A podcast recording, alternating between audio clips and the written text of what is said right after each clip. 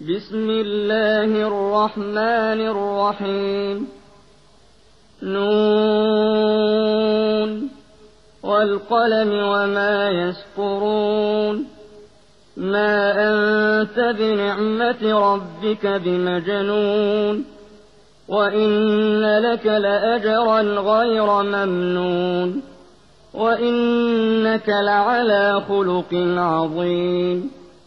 فستبصر ويبصرون بأيكم المفتون إن ربك هو أعلم بمن ضل عن سبيله وهو أعلم بالمهتدين فلا تطع المكذبين ودوا لو تدهن فيدهنون ولا تطع كل حلاف مهين هماز مشاء بنميم مناع للخير معتد أثيم عتل بعد ذلك زنين أن كان ذا مال وبنين إذا تتلى عليه آياتنا قال أساطير الأولين سنسمه على الخرطوم అనంత కరుణామయుడు అపార కృపాశీలుడు అయిన అల్లాహ్ పేరుతో ప్రారంభిస్తున్నాను నూన్ కలం సాక్షిగా లేఖకులు లిఖించేదాని సాక్షిగా నీవు నీ ప్రభువు దయ వల్ల పిచ్చివాడవు కావు. నిశ్చయంగా నీకు ఎన్నటికీ తరలిపోని ప్రతిఫలం లభిస్తుంది. నీవు నిస్సందేహంగా మహోన్నతమైన శీలం కలవాడవు. మీలో ఎవరు ఉన్మాదానికి లోనయ్యారో త్వరలోనే నీవు చూస్తావు వారూ చూస్తారు. నీ ప్రభువుకు తన మార్గం నుండి తప్పిపోయిన వారెవరో బాగా తెలుసు. రుజుమార్గంపై ఉన్నవారెవరో కూడా ఆయనకు బాగా తెలుసు. కనుక నీవు ఈ సత్య తిరస్కారుల ఒత్తిడికి ఏమాత్రం తల ఒగ్గకు. నీవు గనక రాజీ పడితే వారు కూడా రాజీ పడదామని అనుకుంటున్నారు. చీటికి మాటికి ఒట్టు వేసే నీచుడికి ఏమాత్రము లొంగకు. వాడు ఎత్తి పొడుస్తూ ఉంటాడు. చాడీలు చెబుతూ తిరుగుతూ ఉంటాడు. మంచిని నిరోధిస్తూ ఉంటాడు. దౌర్జన్యం చెయ్యటంలోనూ అత్యాచారం చెయ్యటంలోనూ హద్దులు మీరుతూ ఉంటాడు. పరమ పాతకుడు మిక్కిలి క్రూరుడు. ఈ లోపాలన్నింటితో పాటు వాడు హీనజన్ముడు కూడా. దీనికంతటికీ కారణం వాడు అత్యధికంగా సిరి సంపదలు సంతానము కలిగి ఉండటమే. మా ఆయతులు అతడికి వినిపించినప్పుడు ఇవి పూర్వకాలము నాటి కట్టుకథలే కదా అని అంటాడు అతి త్వరలోనే మేము అతడి మూతి మీద వాతలు పెడతాము إنا بلوناهم كما بلونا أصحاب الجنة إذ أقسموا ليصرمنها مصبحين ولا يستثنون فطاف عليها طائف من ربك وهم نائمون فأصبحت كالصريم فتنادوا مصبحين మేము ఒక తోట యజమానులను పరీక్షకు గురి చేసిన విధంగానే వారిని కూడా పరీక్షకు గురి చేశాం ఆ తోట యజమానులు రేపు ఉదయం పెందలకాడనే మేము వెళ్ళి మా తోటలోని పండ్లు తప్పకుండా కోస్తాము అని ప్రమాణం చేసి మరీ అన్నారు. వారు ఎలాంటి మినహాయింపులకు భయసందేహాలకు తావీయలేదు ఆ రోజు రాత్రి వారు ఆదమరచి నిద్రపోతూ ఉండగా నీ ప్రభువు నుండి ఒక ఆపద వచ్చి ఆ తోటపై విరుచుకుపడింది. అప్పుడు దాని స్థితి పంట కోసివేసిన తోట మాదిరిగా అయిపోయింది أن اغدوا على حرثكم إن كنتم صارمين فانطلقوا وهم يتخافتون ألا يدخلنها اليوم عليكم مسكين وغدوا على حرد قادرين فلما رأوها قالوا إنا لضالون بل نحن محرومون. قال أوسطهم ألم أقل لكم لولا تسبحون؟ قالوا سبحان ربنا إنا كنا ظالمين. فأقبل بعضهم على بعض يتلاومون. قالوا يا ويلنا إنا كنا طاغين. عسى ربنا أن يبدلنا خيرا منها. إنا إلى ربنا راغبون.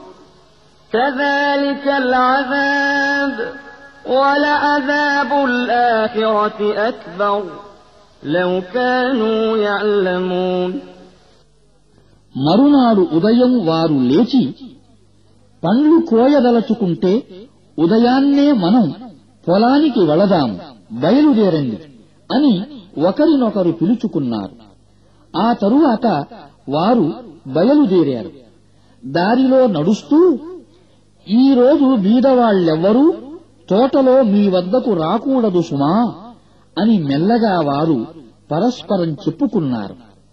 దానం ఏమీ చెయ్యకూడదని నిర్ణయించుకుని వారు తెల్లవారగానే తొందర తొందరగా అక్కడకు వెళ్ళారు తామెలాగైనా పండ్లు కోయగలమనే ధీమాతో. కాని తోటను చూచి వారు ఇదేమిటి? మనం దారి తప్పి వచ్చామా? కాదు కాదు మనం సర్వము కోల్పోయాము అని అనసాగారు. వారందరిలో కాస్త మంచివాడు మీరు దేవుణ్ణి ఎందుకు స్థుతించరు అని నేను మిమ్మల్ని అడగలేదా అని అన్నాడు అప్పుడు వారు మా ప్రభు పరిశుద్ధుడు నిజంగానే మేము పాపాత్ములం అని అన్నారు. తరువాత వారిలోని ప్రతి ఒక్కడూ తోటివాణ్ణి నిందించసాగాడు. చివరకు వారు పశ్చాత్తాపపడుతూ ఇలా అన్నారు మన పరిస్థితి చాలా శోచనీయం. నిస్సందేహంగా మనం మితిమీరి ప్రవర్తించాము. మన ప్రభువు మనకు దీనికి బదులుగా దీనికంటే మెరుగైన తోటను ప్రసాదించటం అసంభవమేమీ కాదు. మనం మన ప్రభువు వైపునకు మరలుదాము ఇలా ఉంటుంది శిక్ష పరలోక శిక్ష దీనికంటే కూడా ఘోరంగా ఉంటుంది అయ్యో వారు ఈ విషయాన్ని తెలుసుకుంటే ఎంత బాగుంటుంది إن للمتقين عند ربهم جنات النعيم أفنجعل المسلمين كالمجرمين ما لكم كيف تحكمون أم لكم كتاب فيه تدرسون إن لكم فيه لما تخيرون أم لكم أيمان علينا بالغة إلى يوم القيامة إن لكم لما تحكمون سلهم أيهم بذلك زعيم أم لهم شركاء فليأتوا بشركائهم إن كانوا صادقين నిశ్చయంగా దైవభక్తి పరాయణుల కొరకు వారి ప్రభువు వద్ద భోగభాగ్యాలతో నిండిన స్వర్గవనాలు ఉన్నాయి మేము విధేయుల స్థితిని అపరాధుల స్థితి మాదిరిగా చేస్తామా? ఏమైంది మీకు? ఇలాంటి నిర్ణయాలు చేస్తారు? అక్కడ మీకు తప్పకుండా మీరు మీకోసం కోరుకునేదే లభిస్తుందని వ్రాసిపెట్టి ఉన్న గ్రంథం ఏదైనా ఉందా మీరు చదవటానికి? మీరు నిర్ణయించుకున్నదే మీకు లభిస్తుందనటానికి ఆధారంగా ప్రళయ దినం వరకు మీరు మాతో చేసుకున్న ఒడంబడిక ఏదైనా ఉందా?